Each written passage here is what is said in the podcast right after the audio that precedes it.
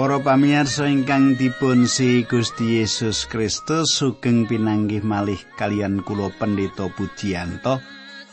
Kula badhe sesarengan kados padatan kalian panjenengan wonten ing salebetipun adicara margi utami, adicara ingkang sampun dados kelangenan panjenengan. Kados pundi pawartos panjenengan katang kula?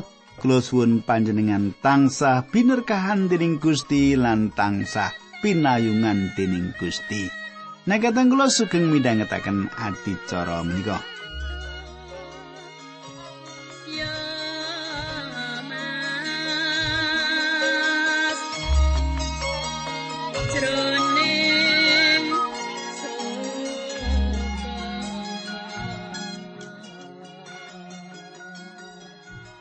Para pamirsa menapa panjenengan tasih kemutan menapa ingkang kula aturaken tuk nalika pepanggihan kepengker? Ing pepanggihan kepengker kita sampun nyemak bilih ing wekdal manungsa dipun adili Gusti Allah.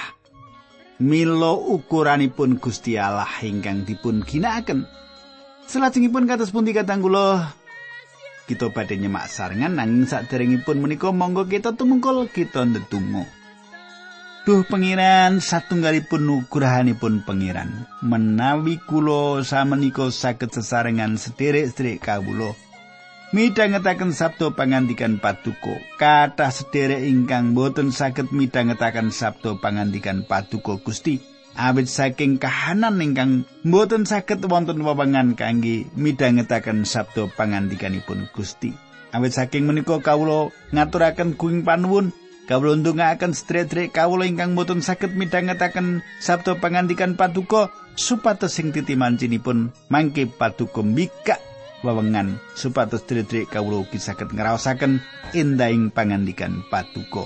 Dinambaran asmanipun Gusti Yesus Kristus kawula ndedonga. Amin.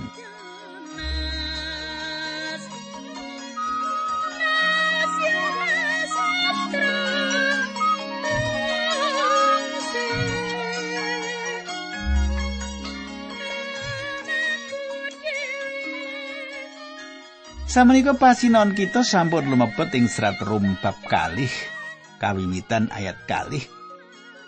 Samenika Paulus ngginakaken patokan-patokan ingkang dipunagem Gusti Allah kangge ngadili tiang dosa ingkang dadah budaya lan tepo slira. Lan ngandhap menika watonan ingkang kawitan. Kula badhe ngaturaken mangki watonan-watonan prinsip-prinsip ingkang kawitan. Ayat kali. Kita padha ngerti yen paukumane Gusti Allah tumrap wong-wong sing padha nglakoni mengkono mau pancen adil. Para pamirsa, Jaman samenika kata tiang kalebet pasamuan ingkang gesang ing salebetipun jagat ingkang boten nyoto. Tiang-tiang menika boten purun mirengaken kayektosan Injil. Samenika kula mireng kata tiang ingkang alim sanjang. Oh, aku kepingin sinau kitab suci. Lan ing wekdal tiang alim wau mlebet ing salebetipun pangandikanipun Allah tiang alim menika manggihaken menapa ingkang Yohanes panggihaken ing salebetipun kitab Wahyu. Tiang-tiang menika wiwit ningali pengadilanipun Gusti Allah. Ing wekdal kawitan pratelakaken, raosaken, ngeteraken nyawa kepirengipun legi ing tutukipun. Nanging wekdal tiang-tiang nyinau pengadilan menika tiang-tiang menika mboten sanggup mangertos pengadilan menika raosipun badhe damel wetengmu karasa kecut Wahyu dosa ayat songo ngantos dosa. Kada tiang Kristen ing jaman samenika ingkang badhe sinau kitab suci nanging tiang-tiang kala wau mboten gadah kekajengan ningali kasunyatan. Tiang-tiang kala wau mboten purun mireng kegayutan kayektosan.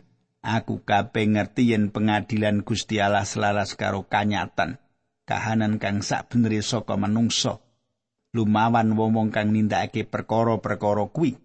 Para pamirsa, Samenika imut pilih inggih menika watonan-watonan pengadilan, sanes watonan-watonan kawilujengan. Manungsa gadah kawruh ingkang sampun dados sipatipun pilih manungsa kedah dipun adili dening panguwasa ingkang langkung inggil. Pengadilan Allah ingkang badhe dumugi inggih menika satunggalipun kahanan ingkang ngajri-ajri lan ditampik dening tiang-tiang ingkang wonten ing sanjawinipun Sang Kristus. Kitab suci kan dicetha nyerat kegayutan kalian pengadilan. Paulus meratelaken dumateng bangsa Athena.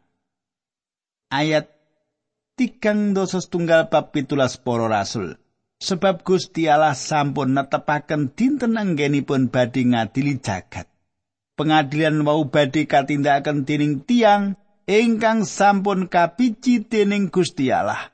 Minangka buktinipun Gusti Allah sampun nangekaken tiang wau saking antawisipun tiang pecah. Para Rasul pitulas saya tigang dosa setunggal. Paulus rundingan kalian Felix kegayutan kayektosan lan ngendaleni diri lan pengadilan ingkang badhe dumugi lan perkawis menika adamel Felix Romaus ajrih. Kasunyatanipun piyambakipun boten kepingin mirengaken khotbah ingkang sanesipun. Pengadilanipun Gusti Allah benten kalian pengadilanipun manungsa. Manungsa mboten gadah sedaya kasunyatan lan pengadilanipun asipat awrat sisih lan kebak jubriyo. Pengadilanipun Gusti Allah nyakup sedaya kasunyatan. Gusti Allah perso sedaya kasunyatanipun manungsa menapa wontenipun manungsa menika. Lan atas landasan menika panjenenganipun badhe ngadili manungsa sadaya.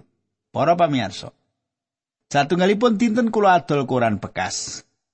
Tiang ingkang nimbang koran menika mboten badhe nangkleti kula saking pundi kula pikantuk koran-koran bekas menika. Kondi mboten taklet. Piyambakipun namung nimbang kemawon. Daniel gangsal pitulikur tekel timbangan tegesipun paduka sampun dipun timbang mawi timbangan. Monggo pinanggih ketengan. Nah menika wonten ing Daniel. Inggih menika pangandikanipun Allah dumateng sedaya tiyang ingkang gumedhe babagan moralitasipun. Manut kula angenan ageng tiang-tiang ingkang gadah budaya inggih menika ingkang akhlakipun risak ingkang kedah dipun adili. Nanging piyambakipun yakin menawi piyambakipun temtu lolos awet piyambakipun Romaus benten. Nanging Gusti Allah temtu ngadili manungsa manut menapa wontenipun ing pamirsanipun panjenenganipun. Ayat 3. Nanging kowe para sedulur kowe dhewe rak iya padha nglakoni penggawe-penggawe kaya sing kok dawake wong liya mau. Apa kaanggep kowe bisa wal saka paukumane Allah? Kadang kula Robert Gobet ngatosaken sekawan cara ngwalaken badan piyambak ingkang saged ugi dipun tindakaken manungsa ingkang nerak paugeran. Ingkang setunggal panerak ingkang boten badhe dipun mangertosi. Ah, panerakku ora ana sing ngerti, nggih Nomor kali, piyambakipun saged luput saking hukum utawi tuntutan pengadilan. Wah, buktine ra ono. Nomor tiga, sasampunipun kacempeng tentu wonten sawetawis alasan sah ingkang tununipun wonten ewa-ewan ing tata aturan resmi. Oh, dheweke ngantek ngene iki marga ngene.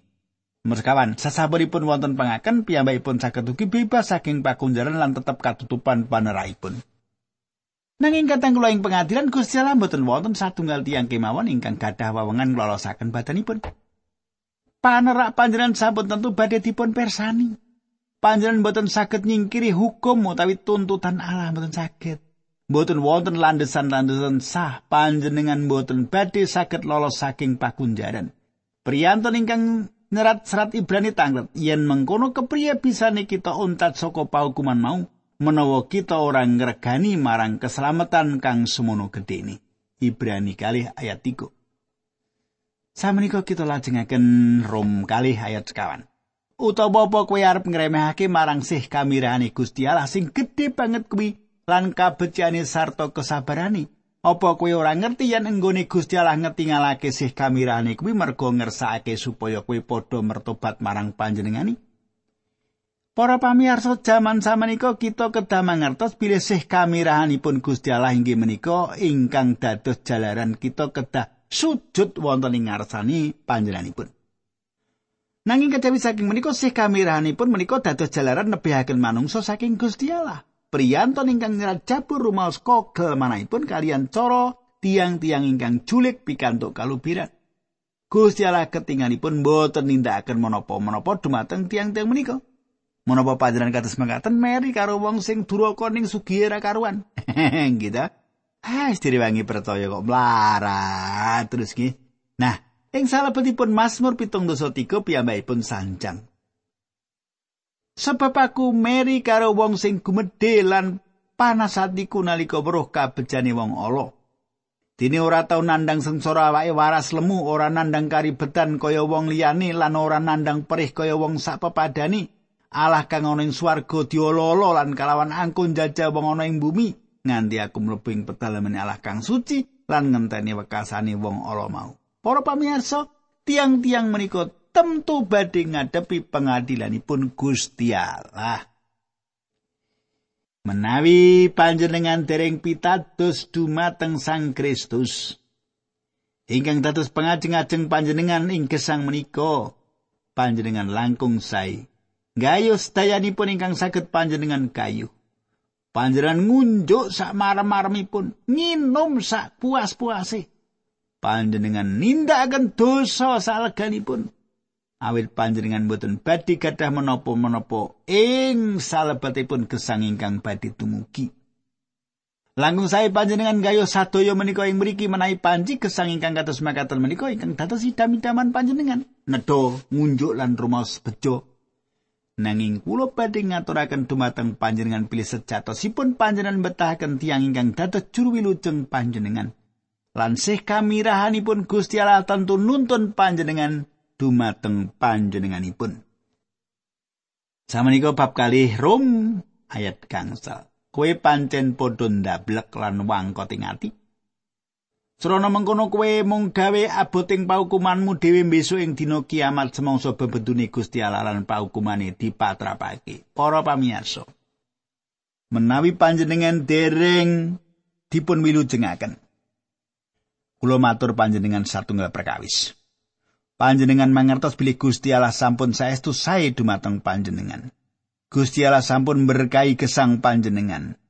Panjenengan penggali sederek-sederek ingkang gesang ing alam donya menika ingkang boten gadah menapa-menapa ingkang saestu itu ngraosaken kados pundi padaranipun ngelih.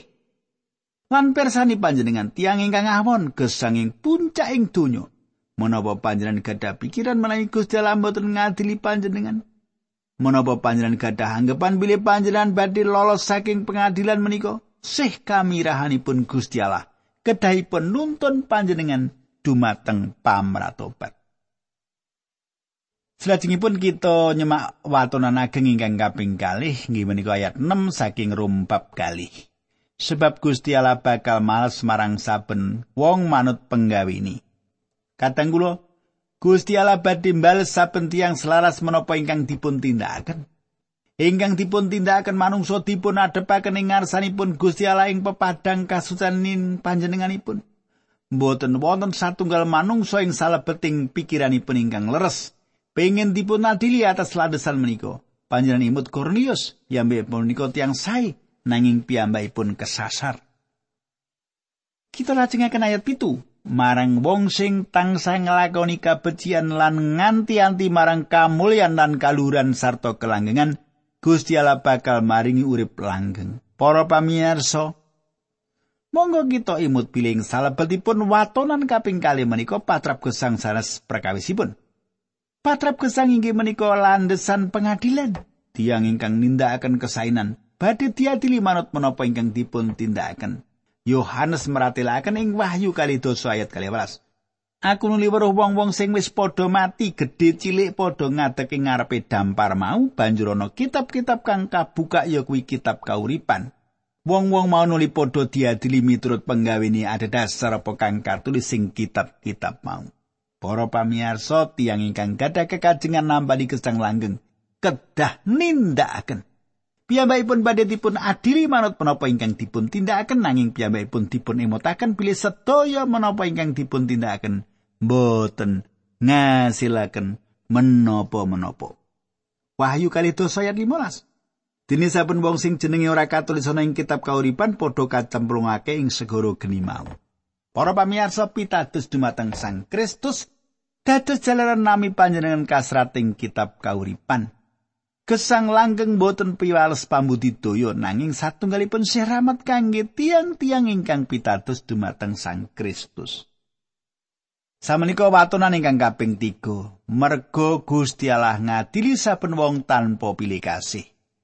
Rom bab kali ayat 11. Katang kula menika ugi satunggalipun watonan ageng ing salebetipun perjanjian lami. Pangandaring turat sedoso ayat pitulas ngendikaken Pangeran Allahmu kuwi ngungkuli sakae brahala lan kasektene ngungkuli sakae pangwasa. Panjenengan kuwi Allah kang maha luhur lan maha kuasa kang kudu diestokake. Panjenengane ora pilih kasih lan ora nampi besa. Katanggulo. Simon Petrus mangertos perkawis menika ing wekdal piyambakipun kisah dhateng griyanipun Cornelius. Para rasul sedasa ayat 3 dosa sekawan. Rasul Petrus tuli ngendika mangkene nembe samenika kula mangertos saestu bilih Gusti Allah menika mboten beda-bedakaken tiyang. Kadang kula Gusti Allah mboten milih tiang-tiang ingkang dipun eman. Panjenenganipun mboten gadah ingkang dipun rimat. Sedaya tiang sami wonten ing ngarsanipun. Keadilan menika nutup meripat mboten awit puto nanging piyambakipun mboten ningali menapa tiang rasukanipun sutra utawi awon sedayanipun ketingal sami.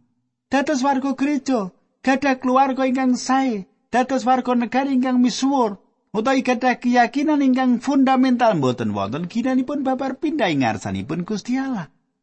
Salajengipun watonan ageng ingkang kaping sekawan ingkang dipun agem Gusti kangge ngadili dipun pratelaken ayat kalewas sebab wong kabeh wis padha nyingkur marang Gusti Allah. Wong kabeh wis padha kesasar ora ana siji wae sing nglakoni kabecikan siji wae ora ana. Kadang kula panjenengan katosaken katut pundi watonan menika dipun pratelaken ing salabetipun ayat salajengipun ayat 13 sebab wong gone dirukunake karo Gusti Allah kuwi ora mergo ngerti marang Torat nanging mergo nglakoni apa sing didhawuhake dening Torat mau. Kadang kula kula mireng bangsa kafir kesasar awit bangsa menika dereng mireng Sang Kristus lan dereng nampi panjenenganipun. Bangsa kafir menika kesasar awit bangsa menika tiang-tiang dosa. Inggih kados makaten menika kahananipun sedaya manungsa. Manungsa mboten kawilujengaken awit pepadang ingkang dipun gadai manungsa dipun adili. Selaras kalian pepadang ingkang dipun gadai awit sanes tiang ingkang mireng pepakenipun terat ingkang leres sing ngarsanipun Allah. Kathah tiang ingkang ketingalipun gadah pikiran pilih menawi tiang-tiang sarujuk keadaan khotbah ing gunung tiang-tiang temtu dipun wilujengaken. Nah selajengipun menika watonan ingkang kaping gangsal.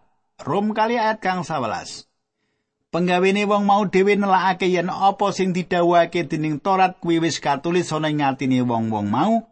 Suarane atine wong-wong mau dhewe sing mbuktekake jalaran yo suarane atine dhewe mau sok-sok ngluputake, sok-sok benerake penggawene. Kadang kula Gusti Allah kagungan kuwaos lan mesti ngadili tiang ingkang manembah brahala atas menapa ingkang wonten ing manahipun piyambak. Sawetawis tiang gada pikiran kados mekaten awit tiang ingkang manembah berhala mboten nampani wahyu Gusti Allah ingkang meratelaken tiang-tiang mboten uwal saking pengadilanipun Gusti Allah. Nanging kasunyatanipun tiang-tiang mboten ngesangaken pepadang ingkang dados gadanipun Gusti Allah badhe ngadili tiang-tiang menika atas landesan menika. Rom kali ayat 16 manut Injil sing ndak wartakake ya kaya mengkono kuwi sing bakal kelakon besok ing dina pengadilan yen Gusti Allah ngadili saking wewadining ati lan pikirane manungsa lantaran Gusti Yesus Kristus. Kadang kula ing wanci menika kita gadah gagasan ingkang klintu. Awit kita kalaresan dados tiang sae ingkang dipun kajengaken kita gadah pikiran pilih kita sae. Mila kita tentu badhe dipun milu jengaken. Gusti Allah tentu ngadili tiang ingkang nindakaken kesainan lan panjenenganipun badhe ngadili tiang-tiang menika lumantar Gusti Yesus Kristus ingkang paring pengadilan bilih menawi tiang ningali wanita lan kepengin tiang menika nindakaken dosa lampah jino. Matius gangsal ayat pitulikur ngantos polikur. Menika salah satunggal contoh saking kengkeran-kengkeran manahipun manungsa. Menapa panjenengan kersa menawi kengkeran-kengkeran manah panjenengan dipun mangertosi sanes? Perkawis-perkawis ingkang ngremenaken ingkang panjenengan sanjangaken. Nanging pikiran-pikiran reget ingkang wonten ing mlebet ing pikiran panjenengan. Menika kedahipun adamel. Kita sedaya sowan dumateng Gusti Yesus. Supados panjenenganipun milu jengaken kita Gusti Allah tentu ngadili tiang ingkang gada iman. Mliginipun bangsa Yahudi awit warisanipun inggih menika agami ingkang dipun paringaken Gusti Allah. Samenika serat Rom bab kali ayat pitulas ngantos wolulas. Lah saiki kowe dhewe kepriye? Kowe ngaku wong Yahudi ngandemi marang Taurat lan kumandel marang Gusti Allah. Kowe padha ngerti kersane Gusti Allah lan wis sinau saka Taurat bab sing ala lan sing becik. Para pamirsa, agami mboten malih dados panyangga gesangipun manungsa. Agami andhatosaken tiyang gumedhe lan saged nyekapi kabetanipun piyambak. Pepadang nyipto tanggal jawab tambahan nanging anda tengaken paukuman ingkang langkung ageng. Bangsa Yahudi pikantos daya kauntungan saking bangsa sanes Yahudi ingkang kasrat ing salebetipun ayat-ayat menika. Kaping gangsal ingkang kawitan inggih menika pilih bangsa Yahudi. Setunggal nyebat badanipun minangka tiang Yahudi. Kalih sumende dumateng paukuran Torat. Tiga gumedhe wonten ing salebetipun Gusti Allah. Sekawan mangertos kegayutan kersanipun Gusti Allah. Gangsal dipun wucal ing salebetipun pepaken Torat kanthi makaten mangertos pundi ingkang sae lan pundi ingkang boten. Rum kali ayat 19 lan kali dosa. Kowe padha yakin yen kowe kuwi dadi panuntune wong sing buta lan dadi pepadange tumrape wong sing padha ana ing pepeteng. Lan sing gulawentah wong sing bodho sarta dadi gurune para nom-noman, kowe yakin yen saka turat mau kowe nampa saking kawruh lan bebeneran. Gangsal hak istimewa pribadi pungkasan bangsa Yahudi ing salebetipun menapa kemawon ingkang dipun tindakaken setunggal kowe iku kang nuntun wong wuta. Kaping kalih pepadang kangge bangsa Yahudi ingkang wonten ing salebetipun pepeteng. Tiga panggulawentah tiang bodho kaping sekawan panggulawentah tiang ingkang dereng dewasa kawi tiang inggal. Kaping kang saling salebetipun pepaken turat gadah kaganepan samukawis kapinteran lan bebeneran. Rom kali ayat selikur ngantos rolikur. Kue podo mulang wong liya nanging yo gene kue podo ora mulang awakmu dhewe. Kue muni aja nyolong nanging apa sebabe? Dene kue dhewe kok nyolong? Kue muni aja lagu bedang nanging kene yo kue dhewe kok bedang. Kue podo sengit marang braholo nanging yo gene kue dhewe malah ngerampok ana ing omah-omahe braholo. Kadang kula panjenengan katosaken Paulus nyebataken tiga dosa umum. Panerak kasusilan, hawa nepsu dosa dumateng badan piyambak lan manembah braholo dosa dumateng Allah. Kula wangsul nggih, tigang dosa umum. Panerak kasusilan. Kalih hawa nepsu inggih menika dosa dumateng badan piyambak lan kaping tiga manembah braholo inggih menika dosa dumateng Allah. Katang kula, apa kowe mulang awakmu dhewe? Kanthi tembung sanes, apa kowe ngetrapake apa kang kok ulangake? Tumrap saperangan ageng kita, khotbah kita langkung sae dipun timbang kalian kesang kita.